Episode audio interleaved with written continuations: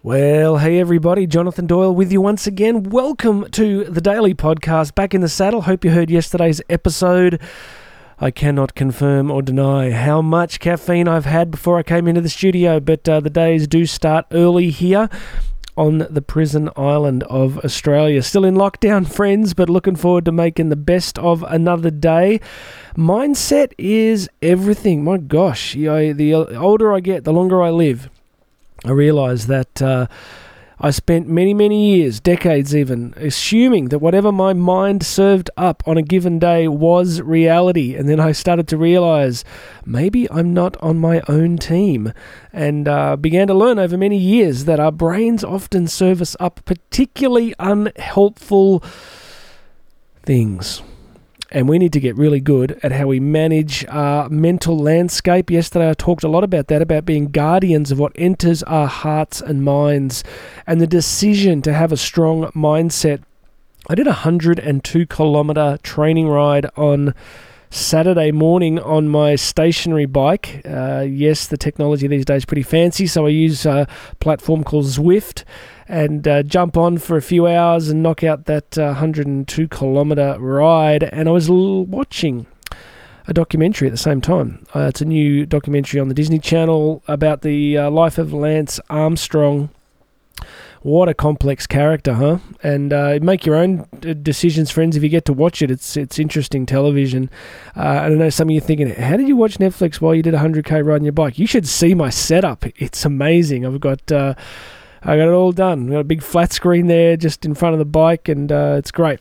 And I was watching this documentary, and look, if I took one thing away from it, just regardless of all the complexities and of his own sense of morality and blah blah blah, is just that his mindset, his his ruthlessness and competitiveness were just extraordinary.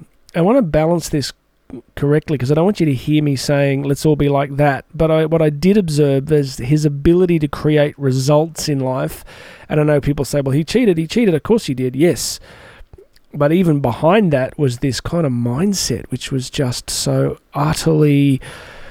I don't know how to explain it. I think what I took away from it was just that if you want to create extraordinary results in life, then you will need an uncommon mindset. Now, in his case, it took him down a very destructive and negative path that harmed himself and a lot of others.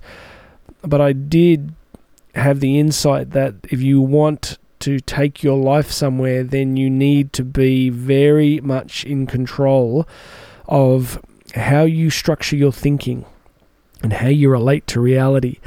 So, on that today, we're going to talk about a great quote from the philosopher, the existentialist philosopher Soren Kierkegaard. And I know you woke up today thinking, you know what I need in my life? I need some more existential philosophy. So Kierkegaard was a very influential a uh, existential philosopher, and I want to give you this very simple quote because it's picking up on the theme that I've been working on the last few days. I think it's really important. He simply says, "Hope is passion."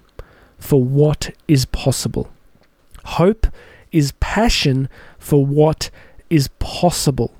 Now, I think the world we're in at the moment is super short on hope. It's it's hyper, hyper, hyper off the scale on fear and uncertainty and anger and frustration, and it's really low on hope.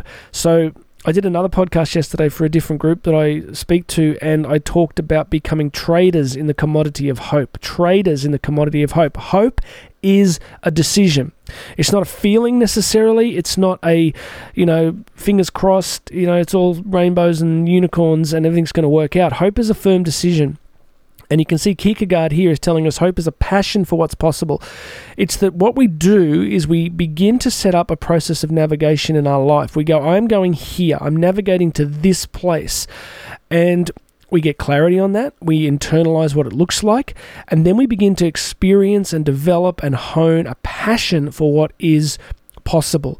We don't get a, a, passion for what's happening, okay? We don't get a passion by looking around us at all the darkness and all the problems. We don't get, you know, you don't get innovated by, uh, sorry, energized by that. You do get innovated by it.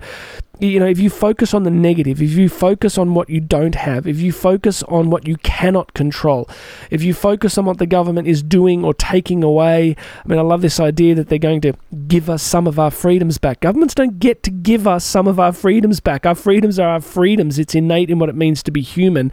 Um, just a little tangent there. I think uh, we don't get our freedoms handed back to us. I think, you know, vast numbers of incredible men and women sacrifice their lives to build the kind of freedoms that are so essential essential. So I don't spend too much time focusing on the darkness around me and what governments can and cannot do, and uh, whether or not next month that we're going to have X things back. I just focus on really what I want to have in my life, the kind of contribution I want to make, what I want to do with Karen and the kids. I get energized by a passion for what's possible. So, one more time, here's the quote Hope is passion for what is possible. Hope is passion for what is possible.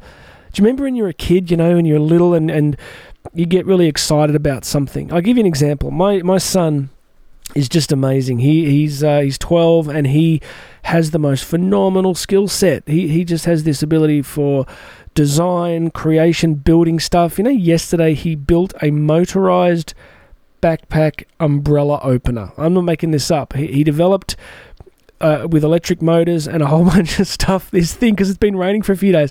He kind of thought, wouldn't it be cool if you had a backpack and you press a button and this umbrella would just manual just automatically open behind you? Beautiful, right? And he just building this thing. Karen and I going, really? You just did that?